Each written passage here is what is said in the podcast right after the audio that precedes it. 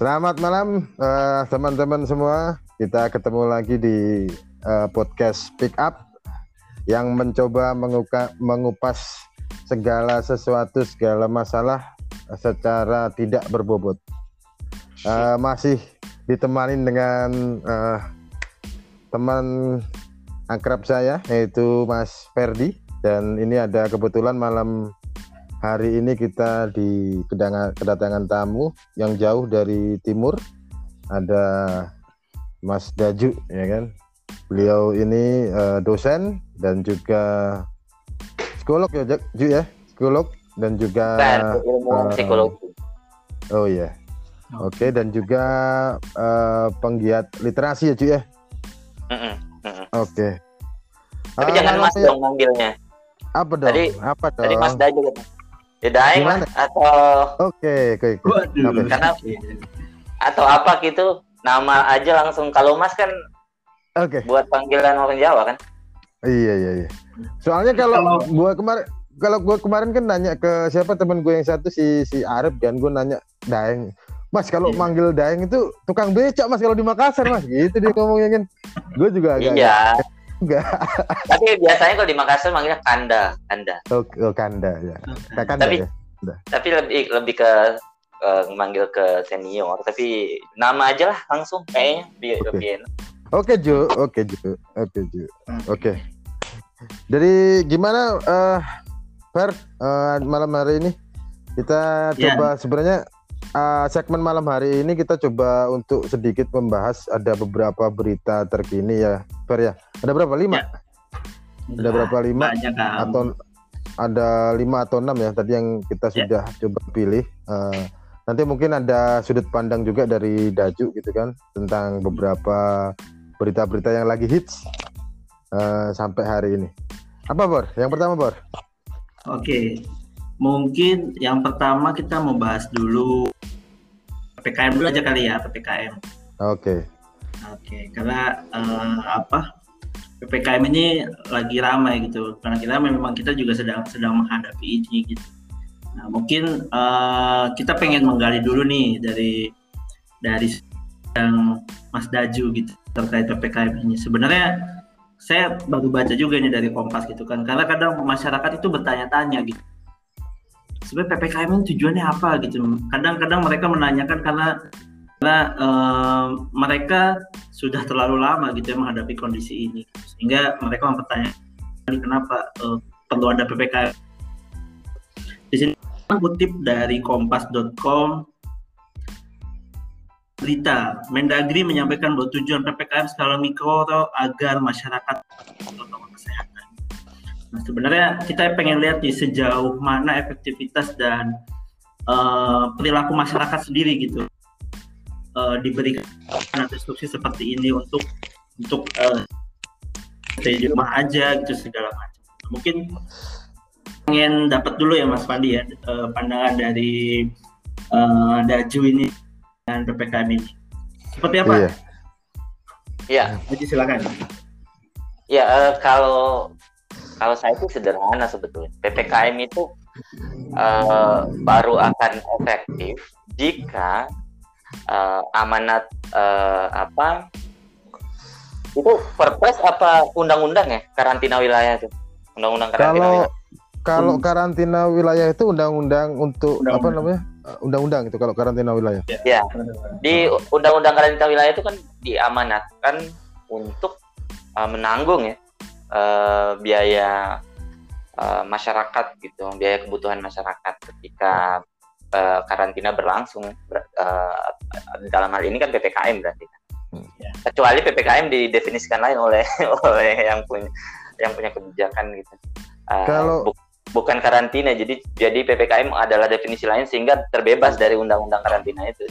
Nah, Jadi, saya, saya saya mikirnya kayak gitu. Saya saya mikirnya yeah. Iya. uh, mohon maaf ini ada ada saya saya salah sedikit karena biar nggak terlalu melebar karena awalnya itu saya saya pikir itu dulu itu mungkin pemerintah itu agak agak ini agak uh, kurang kurang tegas saja karena ketika uh, undang-undang karantina wilayah itu kan mewajibkan adanya uh, apa namanya kayak kayak kita uh, dihidupi lah dari uh, oleh pemerintah Ya. itu sehingga kita bisa uh, diminta untuk berdiam diri di suatu tempat gitu kan untuk tidak berpindah. Cuma Hmm. karena mungkin sumber daya pemerintah atau memang uh, dari kalkulasi pemerintah itu tidak uh, memungkinkan akhirnya dibuatlah berbagai macam apa namanya uh, kebijakan-kebijakan yang Ya. notabene menurut saya uh, agak sedikit apa ya uh, ambigu saja mulai dari PSBB Ya. ke PPKM gitu. Iya. Karena yang, yang bikin. PPKM nggak efektif kan karena akhirnya banyak yang nggak disiplin. Ya. nggak itu nggak disiplin pun kita bisa mengerti dan memahami kalau mereka bisa nggak disiplin karena lagi-lagi masalah ekonomi. Banyak yang Iya. nggak bisa tinggal di rumah karena eh, emang harus nyari duit buat makan. Karena kalau nggak nggak nyari duit buat makan nggak bisa hidup gitu. Jadi kayak Iya. kayak ada ada ada lingkaran yang susah diurai gitu menurut saya. Hmm. Cuman Kalau gini mas as- agak monggo Sorry, mas silakan, silakan, silakan, silakan, silakan, silakan. Cuman gini ya agak agak agak menarik karena seperti ini. Kadang yang agak saya jengkel gitu ya. Eh, Pemerintah pemerintah tidak memutuskan untuk menggunakan undang-undang karantina wilayah, tidak menerapkan itu secara sepenuhnya gitu. Tetapi kadang beberapa kondisi ada ketika masyarakat itu sendiri dalam tanda kutip melanggar ppkm, itu kadang diancam dengan undang-undang karantina Oh. wilayah gitu. Iya ya. Itu kadang menyebabkan nggak fair gitu. Cuman saya pengen tahu apa ya sudut pandang dari kan ataupun dari sudut sisi hukumnya itu sebenarnya seperti apa ketika kondisi seperti membuat masyarakat berpikir ini nggak fair dong. Gue disuruh diam di Iya. rumah, gue tidak dijamin, tapi ketika gue melanggar, gue dikenain undang-undang itu. Itu itu di membuat perilaku masyarakat eh, apa agak agak tidak mau disiplin mungkin seperti itu. Bagaimana? Eh, sorry, sorry, sorry, sorry. Saya, saya potong Hmm. sebentar. Ini daripada nanti ada ada disclaimer, ada apa namanya, Iya. ada keributan. Ini sebenarnya saya saya kembalikan lagi ini undang-undang tentang ka- kekarantinaan kesehatan, bukan karantina Ah, wilayah ya. Undang-undang oke, nomor oke. 6 tahun 2018 tentang kekarantinaan kesehatan. Silakan dilanjut. Oke, siap. Ya. Ya benar, kalau saya sih sepakat. Jadi kayak ada semacam standar ganda gitu kan eh, yang diterapkan. Harusnya sih kalau emang pengen diterapin ya di- eh, harusnya diterapkan secara holistik gitu, secara menyeluruh. Dan di setiap aspek dari undang-undangnya gitu. Eh, karena benar banget tadi kalau misalnya nggak diterapin atau standar ganda atau cherry picking, jadi masyarakat jadi bisa merasa nggak adil. Dan akhirnya karena nggak adil muncullah ketidakpercayaan terhadap eh, penyelenggara negara gitu sehingga perilaku yang muncul dari masyarakat adalah perilaku perilaku yang kontraproduktif sehingga ppkm akhirnya jadi jadi sebuah kebijakan yang dikenal hanya dengan nah apa hanya dengan nama namanya yang yang Ya. berlevel-level itu bukan bukan Hmm. dikenal de- dari keberhasilannya gitu gitu sih Oke. kalau saya Oke. Mas Pandi ada pendapat? halo Halo. jaringannya kali tapi Ya. ppkm ppkm itu harus sampai eh, sampai sampai kapan sih ini Kalau kemarin terakhir perpanjangan itu kan sampai tanggal 9 ya, tanggal 9 gitu. Mm. Ya, ya udah eh, saya melihat di tempat saya juga mungkin RW-nya udah agak udah agak capek gitu. Ini sebelumnya di depan kompleks saya ini di portal. Udah berapa akhirnya portalnya dibuka juga gitu. Jadi udah karena udah, capek udah ya mungkin ya ini mau berapa lama lagi gitu kita juga eh, berkegiatan kan meskipun kita meminimalisir kegiatan tapi tetap ada ada kadang kita beli beli bahan kebutuhan segala macam tetap explore sehingga ya ya sudahlah kita buka aja gitu Nah. kembali lagi Mas Dajan nih menarik juga nih terkait dengan ppkm ini kalau misalkan kita lihat gitu eh, apa efektivitasnya hingga saat ini gitu dan kalau kita lihat keber- keberlangsungannya keberlanjutan keberhasilan apabila pemerintah memutuskan terus menerapkan model seperti ini perkiraan aja nih perkiraan Mas Daja ini kira-kira akan ber- akan berakhir kapan gitu kita ber, apa, bertarung dengan pandemi ini gitu Sampai kapan kita Ya. akan terus berkondisi seperti ini? Apabila asumsinya bahwa pemerintah masih menutup ini gitu dengan model kayak oke karena kasus lagi tinggi kita tutup gitu. Nanti agak melandai kasusnya kita agak longgarkan lagi. Nanti kemudian lagi tutup lagi. Gitu. Nah, menurut Mas Daja ini bagaimana gitu? Apa sampai kapan mungkin kalau dengan model seperti itu kita bisa survive, kita bisa benar-benar lepas gitu ya dari kondisi pandemi seperti ini? Ah, ya. Halo, halo, Eh, halo, halo. Cek. Ya, halo. masuk ya? Halo. Oke, sip. Lanjut, Oh, lanjut, lanjut, masuk. Oke, lanjut, oke. lanjut, lanjut. Kan Mas Daja dilanjutkan. Ah, jadi eh, sebetulnya kan pertanyaan soal sampai kapan ppkm ini akan berlangsung kan itu adalah sepertinya pertanyaan semua orang ya. Seorang nanya itu sekarang karena karena semua orang juga sedang dilanda apa ya? Dilanda keresahan, Kegelisahan, kegelisahan. ya kegelisahan karena banyak hal yang dibatasi akhirnya dari ppkm ini. Walaupun kita tahu kita mengerti ppkm itu kan spiritnya adalah untuk meredam penyebaran virus COVID uh, varian Delta ini yang udah udah parah Iya. banget di Jakarta. Setelah diterapin sebetulnya kan kelihatan datanya emang emang nurun. Iya. Cuman cuman kan itu emang jadi melandai. Cuman kan a- ada kecurigaan juga, eh, bukan kecurigaan juga sebetulnya karena karena datanya ada gitu. Tesnya emang sedikit gitu. Maksudnya emang turun tapi jumlah tes juga ikut turun. Maksudnya jumlah tes tidak Itu kemarin sempat sempat ramai juga ya. Mm-mm. Ah, jumlah jumlah tes ikut turun. Jadi bisa di bisa di ada indikasi em, melandaian melandainya kasus covid itu bukan karena emang udah bisa diredam tapi karena emang tesnya yang kurang gitu. Hingga akhirnya eh, jumlah kasusnya juga ikut turun. Jadi sepertinya Oke, gitu. sekarang kan Hmm, kalau kalau oke lanjut aja Ju. kalau kalau nanti sambil sambil nanti dilanjut itu kalau eh eh, eh, ente sebagai apa namanya dari dari yang dari background psikolog gitu kan kira-kira eh, psikologi masyarakat gimana sebenarnya dengan kondisi yang notabene kita tidak bisa kita tidak bisa me- memastikan kapan untuk selesai sehingga di dalam kondisi bahwa kita punya kita tertekan juga dalam artian kita ada batasan Ya. untuk melakukan ini itu gitu kan. Psikologi Mhm. masyarakat gimana gitu kan kita ngelihatnya gini kan. Dampaknya apa kira-kira seperti? Itu? orang kalau tertekan kan pasti yang paling gampang lah pasti stres. Orang pasti bakal cari eh, sesuatu buat melakukan buat melakukan coping ya untuk mengatasi stresnya itu. Eh, apa pun itu banyak hal sebetulnya yang bisa dilakukan. Kayak misalnya eh, orang bikin IG story live gitu. Kan itu juga salah satu coping strateginya orang-orang agar bisa bisa tetap waras ya di kondisi Betul. seperti ini. Tapi itu itu kalau mekanisme coping yang bagus ya. Kan ada juga mekanisme coping masyarakat yang nggak bagus. Misalnya Ya. demo gitu. Kan ada juga yang akhirnya demo gitu. Atau misalnya melakukan eh, eh, tindakan eh, kriminal gitu.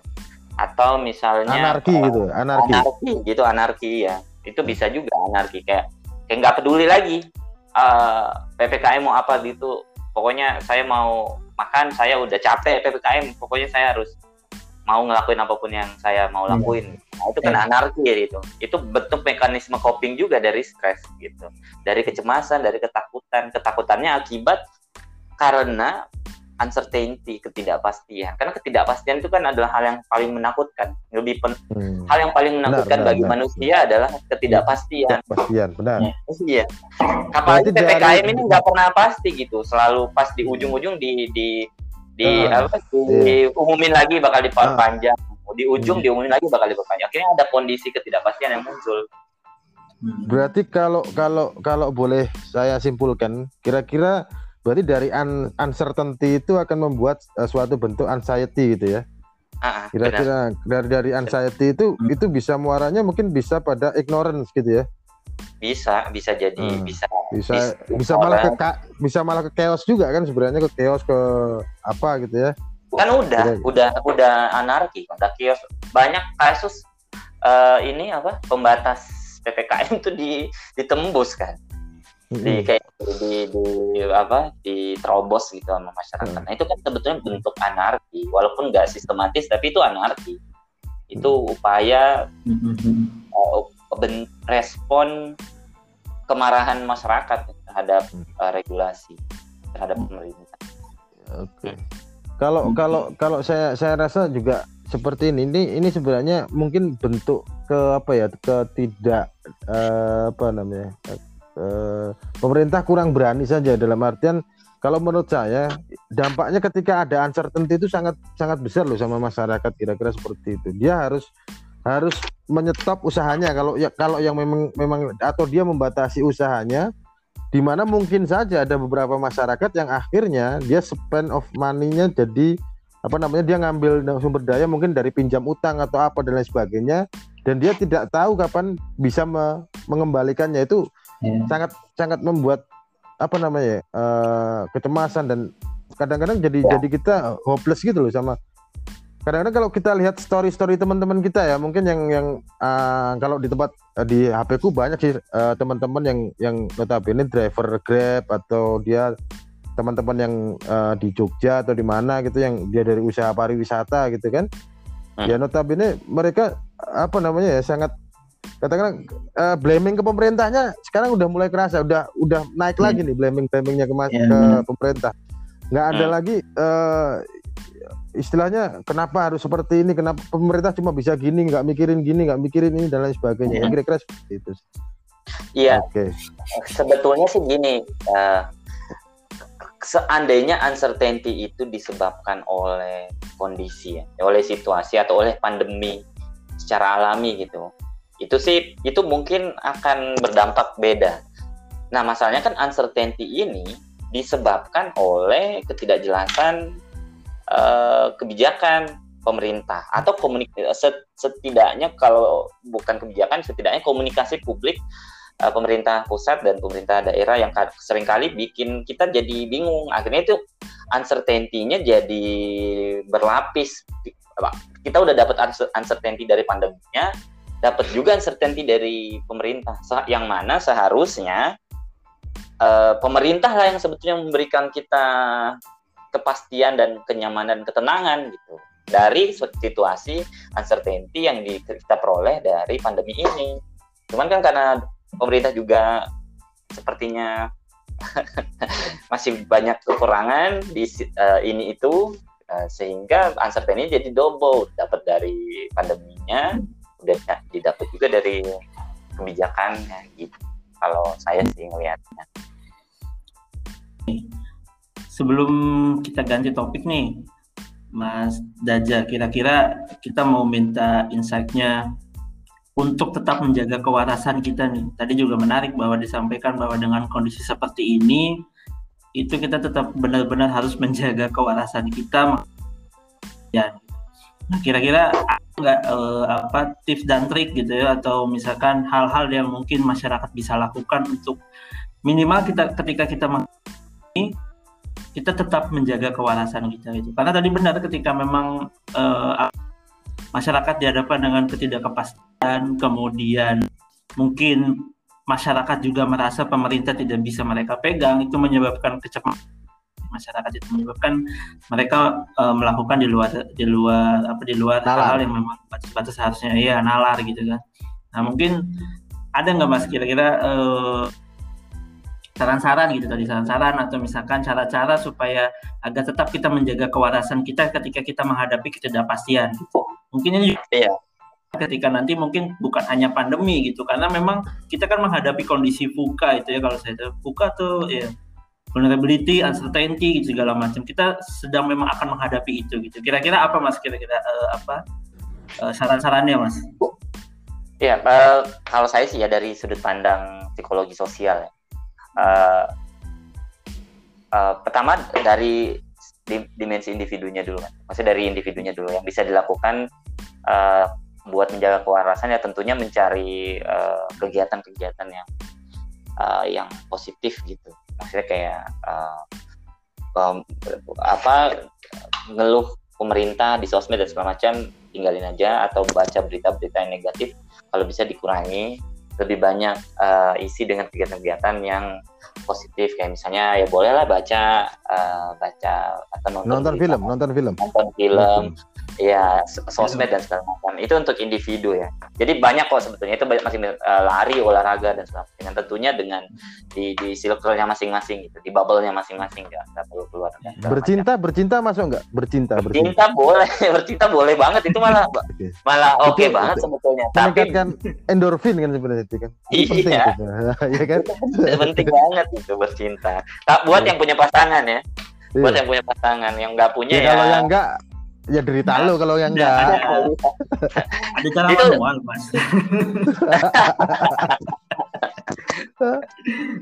Itu uh, itu yang individu. Tapi kalau masyarakat kan uh, masyarakat juga punya sistem ininya sendiri sistem kolektifnya sendiri. Jadi uh, untuk menjaga kewarasan masyarakat sebetulnya kan masyarakat yang kita lihat selama, selama ini akhirnya masyarakat mau tidak mau harus membuat semacam kayak upaya komunal upaya kolektif sendiri karena uh, pemerintah hmm. di beberapa aspek gagal gitu uh, me me memenuhi uh, kebutuhan masyarakat sehingga masyarakat yang harusnya melakukan kayak semacam bottom up gitu semacam uh, apa uh, upaya untuk uh, resilient gitu upaya untuk me me mengatasi masalahnya sendiri bikin komunal sendiri bikin kolektif sendiri bikin uh, strategi dan kegiatan-kegiatan sendiri untuk saling melindungi gitu kayak misalnya uh, apa ada situs yang saling berbagi oksigen saya lupa apa namanya itu tuh keren banget itu uh, bantu rakyat ya kalau nggak salah bantu rakyat.com atau apa gitu. di situ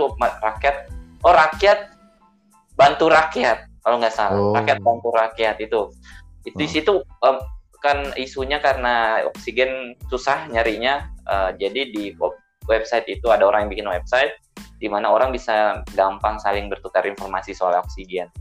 Nah itu kan sebetulnya upaya kolektif masyarakat uh, yang muncul dari keresahan dari, dari keputusasaan kalau menurut saya hmm. keputusasaan uh, karena nggak tahu lagi mau berharap sama siapa ya udah uh, rakyat bantu rakyat aja kalau gitu nah gitu yeah. jangan berharap pada negara iya mau Jangan mau ke mana lagi soalnya kita nggak berharap sama negara satu-satunya tempat untuk bersandar adalah negara harusnya Iya harusnya ya oke. Okay.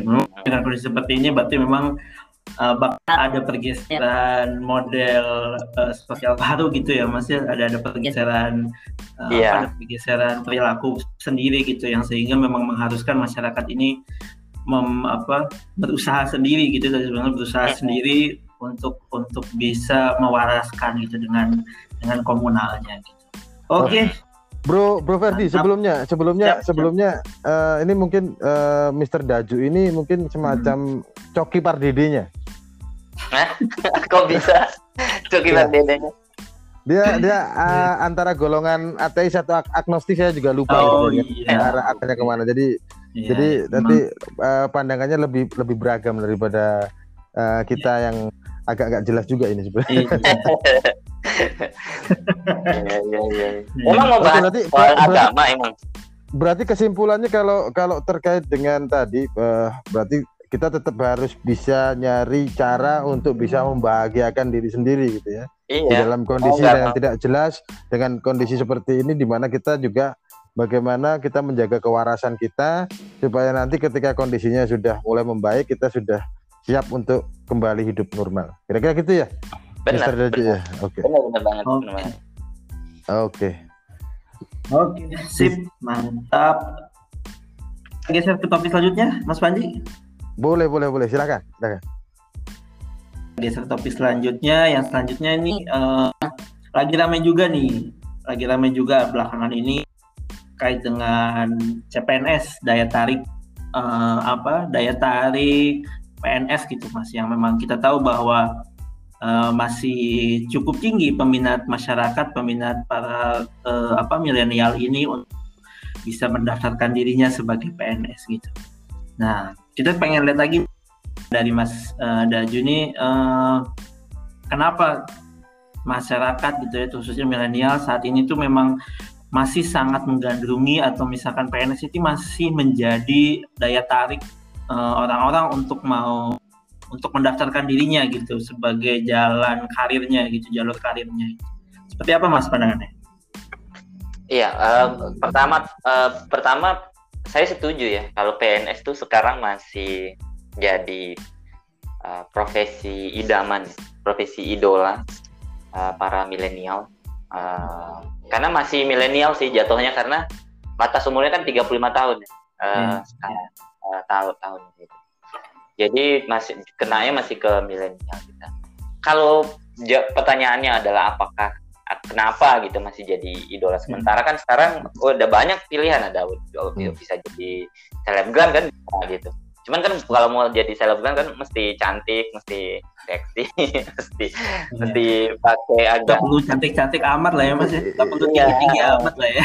Iya makanya. Kan nggak ada nggak ada tes uh, apa good looking gitu appearance iya yeah, nggak ada good looking uh, gitu di persyaratan. nggak ada. Nah, tapi sebenarnya itu penting loh sebenarnya itu penting tapi apanya?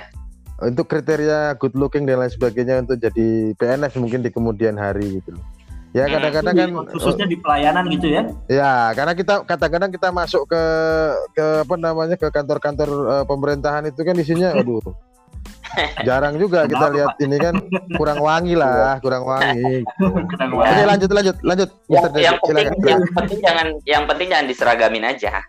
Itu, itu menurut, menurut bukan bukan maksudnya nggak jangan pakai seragam tapi jangan diseragamin kayak nilai-nilai ideologinya gitu. Nah, perlu beragam aja biar nggak semua uh, tapi janganlah jangan ngomong ke situ nanti. Nanti agak ini. Ya uh, kalau kenapa? aduh. Iya mis uh, apa? Kenapa? Enggak enggak, enggak. memang kunci supaya supaya tidak uh, terkekang gitu. Hmm. ya apa jangan jangan jangan kita membatasi ya dan tadi tadi ideologinya gitu atau prinsip hidupnya lah kita jelaskan seperti itu gitu. Iya, Kalau iya, ideologinya ya pasti dibatasin dong gimana masa ideologi iya, iya. kita ideologi cuma iya, satu iya, iya, di sini Pancasila iya, iya, iya. Bapak. Iya benar benar. Gimana sih? Iya maksudnya bukan ideologi misalnya prinsip hidup segala macam gitu kan itu ya, kan maksud prinsip masing-masing setiap orang ya. Benar, maksud, maksud saya itu, maksud saya itu. Bukan nah. ideologi, ideologi kan tetap satu Pancasila. Walaupun sebetulnya Pancasila kan isinya isinya juga ideologi beragam kan banyak ideologi yeah. juga isinya. Oke, okay. itu itu jangan jangan jangan itu agak agak rawan. Jangan, bahaya, bahaya, jangan, jangan, bahaya, bahaya. Ya, bahaya. jangan jangan abu-abu itu abu. Okay. Uh, jadi jadi gini, jadi kalau kalau kalau boleh saya sedikit ini, ini ini posisinya itu uh, masih masih banyak uh, apa namanya semacam fata morgana kemapanan gitu loh di dalam dunia ASN yang atau kita sebutnya sekarang ASN ya, tidak hanya PNS ya, tapi ya oke okay lah itu kira-kira seperti itu. Jadi masih masih orang masih sebagian banyak orang masih berpikiran itu kalau kita jadi PNS atau ASN itu kita uh, mapan ke sampai usia tua dapat dapat pensiun bla bla bla dan lain sebagainya itu kan. Cuma uh, dari pengalaman teman-teman saya itu juga uh, sebenarnya itu juga beragam. Ada yang kalau bahasa Jawanya itu apa ya? Kecelik. Kecelik itu apa ya bahasa Indonesianya itu semacam uh, kaget tidak seperti yang tidak seperti ekspektasinya gitu loh. Tidak seperti ekspektasinya uh, pada pada akhirnya merasa terkungkung ya kan. Kemudian mungkin sampai ke level frustasi gitu kan. Sampai rambutnya mulai keriting ya gitu kan. Nah, kira-kira seperti itu. Itu itu itu juga apa namanya uh, kayaknya mungkin uh, menjadi suatu fenomena tersendiri gitu ya. Dengan dengan sekarang kita lihat itu di datanya kemarin saya juga sempat buka beberapa koran atau beberapa media massa kemarin kan pengumuman hasil seleksi administrasi kalau nggak salah. Kemarin hmm. tuh pengumuman itu kan banyak banget masing-masing menjadi daya tarik tersendiri apalagi biasanya ya uh, biasanya itu pada usia uh, nanggung pada usia nanggung pada hmm. usia usia nanggung itu maksudnya dalam artian mungkin dia punya pengalaman bekerja di usia tidak fresh graduate tapi dia punya pengalaman bekerja tapi merasa nggak mapan-mapan gitu loh hmm. akhirnya dia uh, mencoba beralih untuk untuk masuk PNS saya juga menemukan beberapa fenomena seperti itu teman-teman hmm. saya di usia-usia mungkin di atas 26 ya di antara 26 sampai 30 itu yang tadinya dia sudah pernah bekerja di tempat lain kenapa tiba-tiba masuk ke PNS itu itu juga menjadi fenomena tersendiri. itu banyak teman-teman kita banyak yang kayak gitu. Ada yang udah kerja di Perum Peruri lah, ada yang udah ada yang jadi manajer lah di perusahaan. Iya, ada yang udah bisa jadi kepala cabang bank itu. Ada juga tuh tiba-tiba jadi CPNS kalau saya sih sepakat ya ada ada fata morgana kemapanan itu. Uh, walaupun cukup uh, ini juga bahasanya ya, morgana kemapanan itu. Tapi saya sepakat dan saya mengerti maksudnya apa jadi uh, tapi saya melihatnya sebagai kenapa CPNS eh, kenapa PNS itu jadi idaman karena dia menawarkan easy way out ke orang-orang.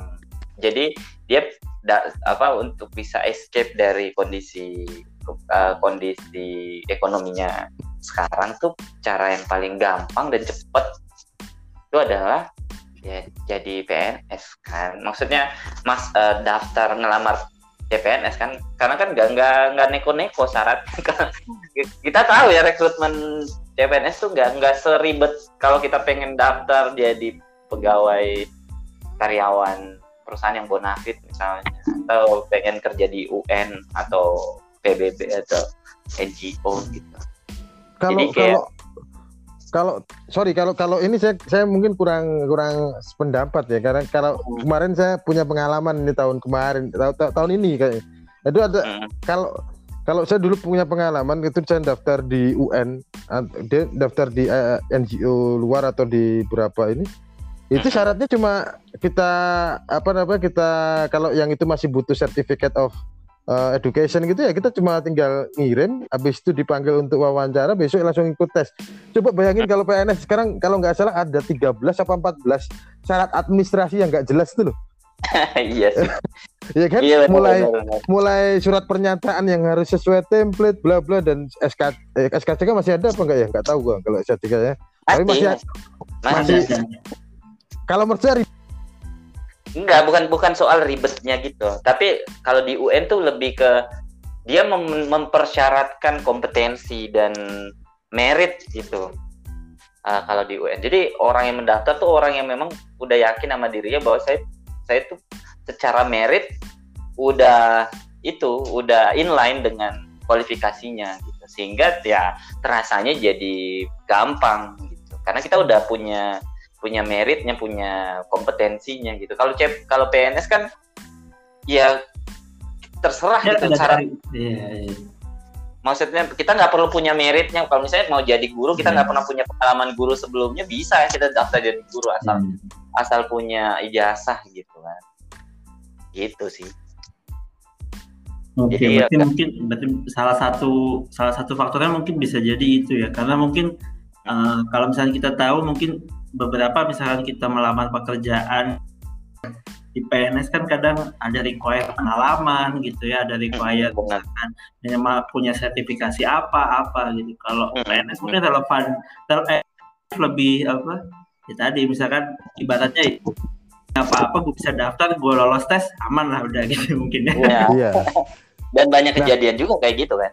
Nah iya, cuma cuma cuma nanti itu jadi jadi apa namanya jadi hal yang uh, bermasalah di kemudian hari di mana yeah. antara orang yang belum punya pengalaman sama yang sebenarnya sudah pernah kerja diperlakukan sama. Hmm. Itu kadang-kadang itu mungkin untuk beberapa orang itu jadi dismotivasi loh. Kita ada yang sudah punya pengalaman ber, ber, ber, ber bertahun-tahun katakanlah lebih dari tiga tahun masuk masih masih dilakukan diklat CPNS ya kan masih hmm. diperlakukan seperti uh, junior masih dianggap uh, bego gitu kan uh, dan dan notabene kalau berdasarkan uh, belum tentu tepat tapi bisa jadi ini uh, apa namanya apa yang saya temukan itu uh, di dunia ASN itu mungkin kebenaran itu tidak eh, sifatnya bukan bukan uh, pada saintifik atau pakai apa tapi pada levelingnya aja. Semakin lo tinggi oh. semakin lo bener aja gitu. Nah, itu itu sepakat sih gue itu bisa bikin bisa bikin down syndrome itu. Iya. Iya benar sih. Karena uh, iya benar kalau akhirnya dikatakan banyak uh, orang yang sebetulnya punya kualifikasi dan punya kompetensi itu akhirnya jadi demotivasi setelah masuk PNS karena itu tadi karena mungkin harus berhadapan dengan tetek bengek primordialisme atau tetek bengek senioritas gitu uh, yang yang menjengkelkan kadang-kadang gitu. Atau harus menyesuaikan diri dengan norma yang berlaku dan pengetahuan kolektif yang ada di situ. Mungkin dia pengetahuannya udah sampai Z misalnya tapi yeah. pengetahuan kolektif orang yang ada di organisasi tersebut hanya baru sampai D akhirnya dia mesti mundur lagi ke belakang. Nah itu kan eh, mental effortnya juga lumayan besar untuk melakukan itu sehingga akhirnya demotivasi. Belum lagi kesempatan untuk maju dan mengembangkan diri belajar uh, iya dukungan yeah. rekan kerja minimal teman diskusi aja lah misalnya di di di, di kantor itu kan nggak selalu tersedia ya kalau kita gak misalnya tersedia yeah. Karena, yang nyambung sebenarnya yang nyambung sebenarnya yang yang menurut kalau dari cerita teman-teman teman-teman gua itu kan yang yang nyambung sebenarnya. Yang ngomonginnya ya. itu masih masih nyambung karena hmm. Karena uh, kebanyakan itu akhirnya beberapa teman gua itu merasakan ketika dia masuk dia menemukan uh, berbagai macam tipe orang yang pada awalnya dia benci.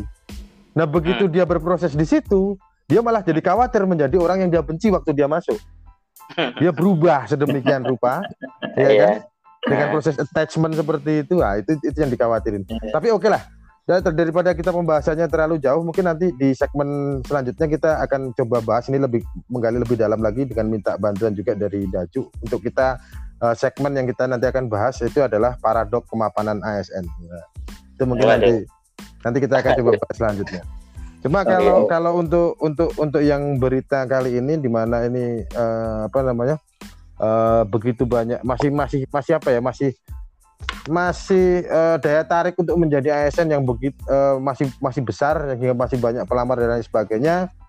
Kira-kira kalau kalau saran dari Daju kita kira-kira apa untuk untuk para pendaftar ini atau kira buat teman-teman kita ini yang baru mau masuk ini kira-kira apa?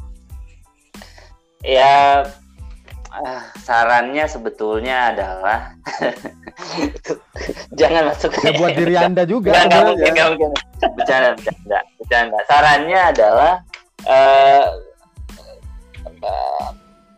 pegawai negeri itu menjadi ASN itu adalah belantara yang tidak selalu seperti yang kita harapkan.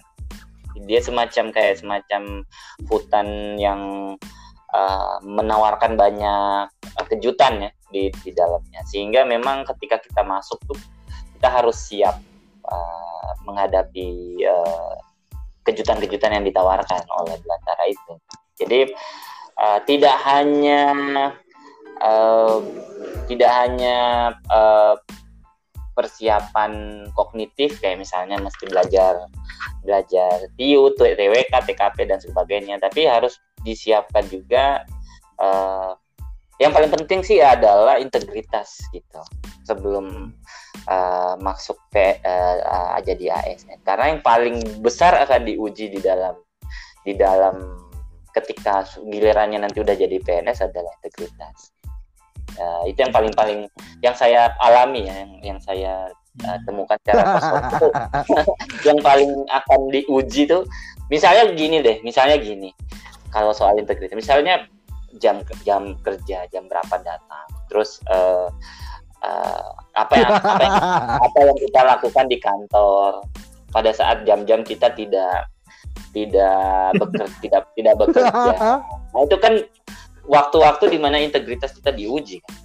Belum uh, be, jangan dulu deh bicara soal korupsi dan segala macam. Tapi kan yang hal-hal kecil seperti itu juga adalah hal-hal yang yang ketika tidak kita tidak uh, perhatikan uh, kita tidak siap uh, itu justru yang akan mengubah. Seperti yang di, dikatakan tadi uh, Ayas ya itu yang akan mengubah kita pelan-pelan karena kan dari hal-hal kecil itu kebiasaan-kebiasaan kecil itu yang bikin yang bikin kita berubah karena seiring integritasnya juga digerus oleh kebiasaan-kebiasaan kecil. Jadi uh, dari awal mesti menyiapkan integritas. Uh, Oke, okay. kalau boleh sedikit saya tambahin mungkin kesimpulannya itu uh, mungkin dari yang tadi sudah disampaikan Daju juga.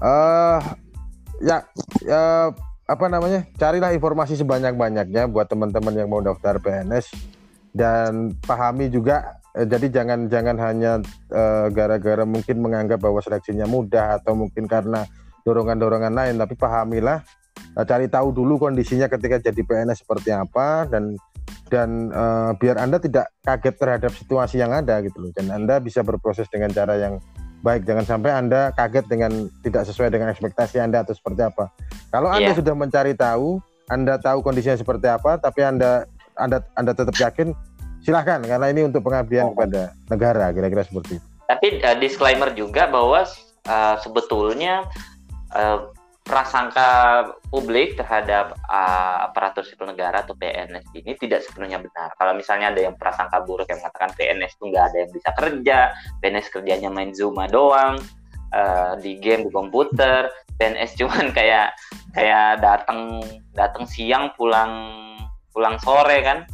Itu sebetulnya nggak semuanya benar, nggak sepenuhnya benar. Saya sering kali banyak menemukan teman-teman saya di berbagai instansi baik pusat maupun daerah yang remarkable, yang luar biasa gitu, yang memang punya kemampuan, punya kompetensi dan tidak hanya itu, dia juga punya spirit untuk berkembang dan melakukan inovasi serta mengembangkan organisasi dan itu yang kadang-kadang bikin saya juga akhirnya ngerasa uh, waktu misalnya lagi demotivasi terus ketemu orang-orang seperti mereka tuh jadi jadi kayak recharge lagi gitu. Jadi kayak merasa oh ternyata ada ya ternyata sosok-sosok PNS baik yang tua maupun yang muda ya. Yang senior juga saya, saya banyak juga menemukan yang muda juga apalagi gitu. Yang bikin saya akhirnya ngerasa uh, inspirasi terinspirasi gitu.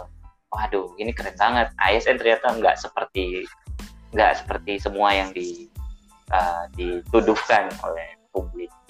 Iya. Oke. Okay. Yang penting tahu-tahu ya, tahu-tahu kondisi ya, tahu-tahu kondisi. Iya. Ya. Iya. Dan mudah-mudahan para milenial ini yang memang mempunyai tekad serius gitu. PNS ini memang dia punya misi tertentu yang akan membawa negeri ini menjadi lebih baik lagi gitu kan. Amin. Permasalahannya gitu kan. Seperti itu. Oke. Okay. Apakah kita akan bergeser lagi ke topik selanjutnya? Kayaknya kita uh, apa namanya tambah satu topik aja, karena kita okay. sudah uh, hampir waktunya. Mungkin Pak Daju juga ada sedikit kesibukan. Mungkin the last topik apa, Mas Wardi? Oke. Okay. Boleh boleh. Ada yang lagi rame ini terkait dengan pesawat kepresidenan, Mas. Ini. ini karena saya saya gabut nih seharinya saya scrolling scrolling gitu kan. Ini sedang ramai sekali netizen mempertanyakan terkait dengan urgensi pengecetan pesawat kepresidenan. Ini saya juga kutip dari Kompas. Bukan dari Kompas dari Kontan. Saya kutip pesawat kepresidenan di warna cat merah putih. Istana memberi penjelasan. Hmm. memang disebutkan Jadi, oleh kepala sekretariat presiden memang ini pengecatannya dalam rangka uh, menghadapi uh, 17 Agustus, Mas, hari ulang tahun kemerdekaan kita. Nah, ini mungkin agak menjadi apa? Jadi bahan ramai ya di, di publik gitu ya. Kita tahu notabene sama-sama tadi dibahas topik awal kondisi sedang seperti ini, kemudian muncul uh, apa isu seperti ini bukan isu ya sebenarnya ini memang sudah di itu muncul berita seperti ini. Saya minta pandangan dulu dari Mas Fandi deh. Mas Fandi bagaimana menurut Mas Fandi nih terkait dengan apa? Terkait dengan ini ya kondisi ini. Kalau kalau saya kalau yang terkait dengan kondisi ini, ini saya mencoba memposisikan uh, untuk apa namanya uh, sebagai yang di luar birokrasi gitu ya. Itu kalau kondisinya seperti ini, uh, sebenarnya kalau anda memahami kalau kalau kalau masyarakat ini juga apa namanya uh, ini kan yang jadi masalah adalah uh, dikomentari adalah di kondisi seperti ini kenapa menghabiskan uang untuk melakukan pengecatan ter, tidak hanya tidak hanya pesawat loh itu yang dikomentari yeah. termasuk helikopter dan lain sebagainya ya maksudnya kondisi seperti itu ya uh, itu mungkin mungkin uh, apa namanya uh, opini-opini itu timbul itu mungkin juga ada ada ada unsur penggorengan dan lain sebagainya juga. Yang penting ya. uh, ada kondisi seperti ini uh, mungkin ada urusan lawan politik atau lain sebagainya. Akhirnya ya, ya. bahkan isu sekecil apa pun bisa digoreng menjadi besar ya kira-kira seperti itu. Cuma kalau kalau saya adalah basisnya uh, sebagai notabene saya pernah sekolah di Fakultas Ekonomi ketika melihat seperti itu ya uh, coba dilihat bahwa uh, ada beberapa anggaran yang mungkin sudah dianggarkan jauh-jauh sebelumnya sehingga mau nggak mau harus tetap dipakai dan lain sebagainya sehingga tidak bisa serta merta direvisi atau seperti apa atau mungkin sudah sudah ada kontrak dengan vendor atau seperti apa ya mungkin mungkin saja kondisi seperti itu. Kalau menurut saya sih uh, untuk untuk untuk fenomena seperti itu saya rasa sih wajar. Itu kan pemeliharaan rutin aja kan maksudnya ya ya mungkin mungkin ada faktor pengecatan yang yang mungkin saja tidak terlalu urgent untuk saat ini ya tapi ya. Uh, mungkin kalau dari saya ya kalau dari saya ya ya masih dalam lingkup wajar saja gitu ya masih oke okay oh. aja sebenarnya cuma uh, ini ada unsur kenapa kenapa tiba-tiba heboh dan kenapa kenapa tiba-tiba semacam digoreng ya juga nggak tahu. Coba kalau kalau mungkin dari dari dari uh, dari Dajuk mungkin ada pandangan terkait dengan hal ini. Iya, uh, uh, ya terlepas dari isu ini digoreng atau enggak ya. Kalau saya ngelihatnya uh, cibiran publik atau kritikan publik terhadap di chatnya pesawat kepresidenan itu adalah sebuah um, respon yang valid ya menurut saya. Kenapa? Karena kita lagi pandemi, kita lagi semua lagi kesulitan, kesusahan, uh, uh, dan butuh bantuan, uh, baik secara ekonomi mau ataupun secara moral gitu. Utamanya ekonomi sih, utamanya uh, bantuan uh, apa modal, bantuan ekonomi lah ya di sisi lain kita berkali-kali udah di, di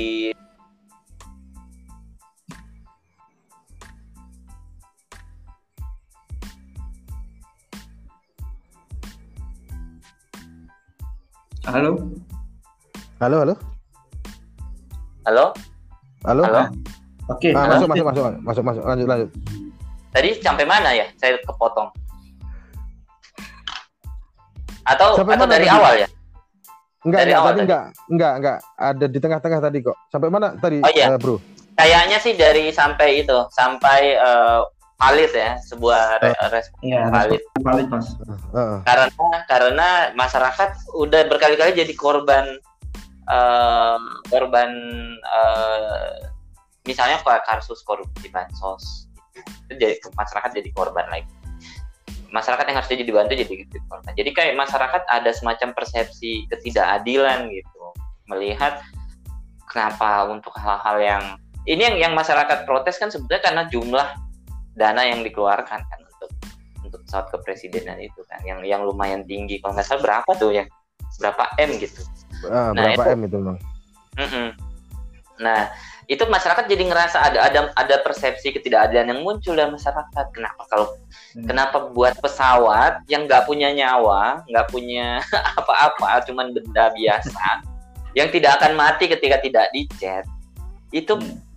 uh, bisa keluar dananya bisa cair sementara kita yang bisa mati yang punya nyawa punya jiwa yang yang nggak kalau mati udah mati tuh nggak bakal bisa hidup lagi. Nggak bantuannya malah dikorupsi. Jadi kayak kayak valid lah kalau masyarakat marah gitu menurut saya. Hmm. gitu. Oke, jadi merupakan hal yang wajar ketika kondisinya seperti ini ya mas ya. Karena kita tahu bahwa saat-saat seperti ini tadi baik lagi bahwa masyarakat itu benar-benar harapannya pada negara gitu. Namun ketika muncul berita seperti ini ketika ini akhirnya uh, masyarakat uh, tadi gitu ber, bergejolak lagi gitu berteriak hmm. lagi gitu kenapa seperti ini gitu ya memang memang uh, setuju juga gitu. memang saya setuju tadi pertama memang mungkin uh, yang disampaikan Pak Pandi dulu gitu ya Mas Pandi dulu tadi sebutkan bahwa memang mungkin secara secara dari sudut uh, penganggaran segala macam mungkin memang itu sudah dianggarkan namun kemudian dalam prosesnya itu memang perlu dicairkan gitu itu tetap tereksekusi gitu. Cuman memang kalau saya mungkin seharusnya memang pasti ada alternatif untuk bisa dana itu dialihkan gitu. mau nggak mau gitu. Apalagi dalam kondisi seperti ini gitu. Yang kita bahwa kadang pemerintah belakangan ini kan memang mulai agak jujur gitu ya dengan kondisi perekonomian kita yang memang agak susah segala macam gitu. Harusnya itu bisa menjadi bahan banget untuk mereka bisa alihkan. Sehingga memang muncul juga eh, apa respon-respon masyarakat yang seperti itu. Iya benar. Oke, oke. Oke, kalau kalau Tadi ada mungkin? Sedikit tambahan aja, eh, sedikit tambahan aja. Kalau kalau kalau dari aspek eh, mungkin psikologis masyarakat, eh, saya juga sepakat kalau memang eh, pasti akan masyarakat bertanya-tanya ini ini anggaran ini kenapa nggak digunakan untuk COVID gitu karena seperti itu. Kenapa mengecat yang tidak eh, yang tidak bisa dikatakan mungkin tingkat urgensinya masih rendah gitu loh. Cuma kalau yang tadi saya coba sampaikan gitu itu kira-kira maksudnya kalau ini mungkin dari dari aspek eh, yang lain kalau maksudnya ataukah itu sudah dianggarkan ataukah itu seperti apa ya eh, menurut saya itu tidak ter eh, dari aspek itu ya kalau kita kita coba bisa mungkin tidak terlalu bermasalah. Karena kenapa kalau kita lihat eh, eh, nanti kalau kita berpikiran bahwa semuanya harus ke sana. Coba kita bandingkan saja berapa sebenarnya anggaran yang sudah turun untuk COVID gitu kan kira-kira seperti itu. Itu menurut saya juga sudah sudah gede. Terus kalau semua anggaran harus ke sana semua ya berarti kita juga nggak jalan gitu loh posisinya. Ya mungkin saja eh, ini tidak eh, mungkin saja ini dirasa tidak peka saja ya kan tidak peka dengan kondisi Ya. me- masyarakat dengan kondisi se- sedemikian rupa. Cuma kalau seandainya itu juga nggak masuk berita, saya rasa juga nggak terlalu jadi Ya, benar. salah gitu loh kalau yang kalau yang yang bikin dia jadi bermasalah karena ada juxta juxtaposisi itu kan juxtaposisi Ah, ah. di mana Iya. di mana ada yang sesuatu yang prioritas malah yang butuh bantuan malah eh, disandingkan dengan sesuatu yang nggak urgent-urgent banget tapi Hmm. dapat dapat eh, dananya gitu jadi jadi masalahnya di situ Iya. kalau tanpa perlu. pandemi eh, I- Iya sedikit Pak. Eh, dengan kondisi seperti ini, kalaupun memang ujungnya adalah memang mengharuskan seperti itu, minimal perlu diusahakan sedemikian rupa supaya mungkin ya dalam tanda kutip publik jangan sampai tersinggung atau ya misalnya jangan sampai tahu gitu loh karena kondisinya seperti ini. Kalau memang kondisinya mendesak dan mengharuskan untuk dilakukan, jangan sampai eh, apa keluar dari apa kondisi yang sekarang gitu. Iya iya mm, tepat tepat bener iya bener sih benar-benar itu kondisinya kondisinya seperti itu gimana bro Ferdi Ya, halo. Ah. Ya. halo halo halo, Halo. halo masuk Ah iya Oke. iya udah. oke oke. lanjut Oke, lanjut masuk. lanjut Sip. Ya gitu sih Oke, berarti kita Jadi kita kita sudah sudah bahas tiga berita ya. Gimana gimana, gimana Ferdi? Gimana? Ini baru. saya rasa cukup ya ini sudah hampir satu jam nih kita kayaknya nih kita udah- sudah sudah hampir sudah cukup banyak juga yang kita bahas gitu ya malam ini ada ada ada tiga ada tiga bahan yang eh, apa kita bahas tadi yang pertama masalah PKM gitu ya. Kita melihat dari kondisi eh, masyarakat gitu ya tang eh, apa tanggapan masyarakat terus eh, apa bagaimana masyarakat menghadapinya gitu. Itu sudah sudah Hmm. membahas itu. Kemudian tadi yang kedua juga kita bahas masalah kenapa PNS ini masih menjadi daya tarik gitu ya. Kemudian yang ketiga ini tadi yang masalah terkait dengan pengecetan surat presiden. Saya harap em, insight-insight kita ini menjadi apa ya menjadi mungkin ada pandangan baru di masyarakat. Itu karena kita ingin mencoba menarik isu-isu yang itu menjadi hal yang mudah dikonsumsi oleh masyarakat dan dipahami bahwa kondisinya seperti seperti itu Mas Fandi dari saya. Oke oke. Jadi jadi mungkin eh, eh, malam ini kita kita apa namanya kita coba eh, sarikan juga. Ada berapa tiga tiga berita tadi yang kita coba bahas dengan dengan apa namanya? Dengan tidak eh, apa namanya tidak terlalu eh, berat. Kita coba bahas secara ringan eh, gitu kan? Eh, coba semoga ini juga nambah eh, apa namanya sekedar sekedar eh, apa namanya bisa untuk bahan untuk didengarkan teman-teman sekalian. Jadi kita cuma seperti itu. Baik, eh, mungkin untuk episode kali ini eh, kita akan eh, selesaikan. Terima kasih buat eh, uh, Dajuk yang ada di Makassar. Kita akan coba cek dulu apakah Sama-sama. ini kita coba cek dulu uh, kemungkinan editingnya seperti apa. Kalau nanti memungkinkan bisa diedit dan dan layak tayang kita akan coba layak tayang. Kalau kalau Iya. tidak uh, nanti kita akan agendakan selanjutnya untuk bisa lebih baik lagi untuk mencari apa namanya uh, apa uh, alur-alurnya yang bisa lebih enak kita kita ngobrolin Ya, apa topik ya, apa lebih smooth uh, uh, lebih smooth lagi karena kita juga masih Oh. newbie di sini Iya, mungkin kita kamu masih yang uh, kamu yang sudah senior di bidang ini jadi nanti uh, kita butuh saran-saran yang lain kira-kira Iya. Oke oke. Makasih Ah. udah diajak diajak Ah, Oke, terima kasih Cuk ya. Siap. Terima kasih. uh, Terima kasih Mas. Jangan kapok. Sampai ketemu di kesempatan Siap lain. siap siap. Oke, terima Siap. kasih, terima kasih, terima kasih. Terima kasih. Terima kasih.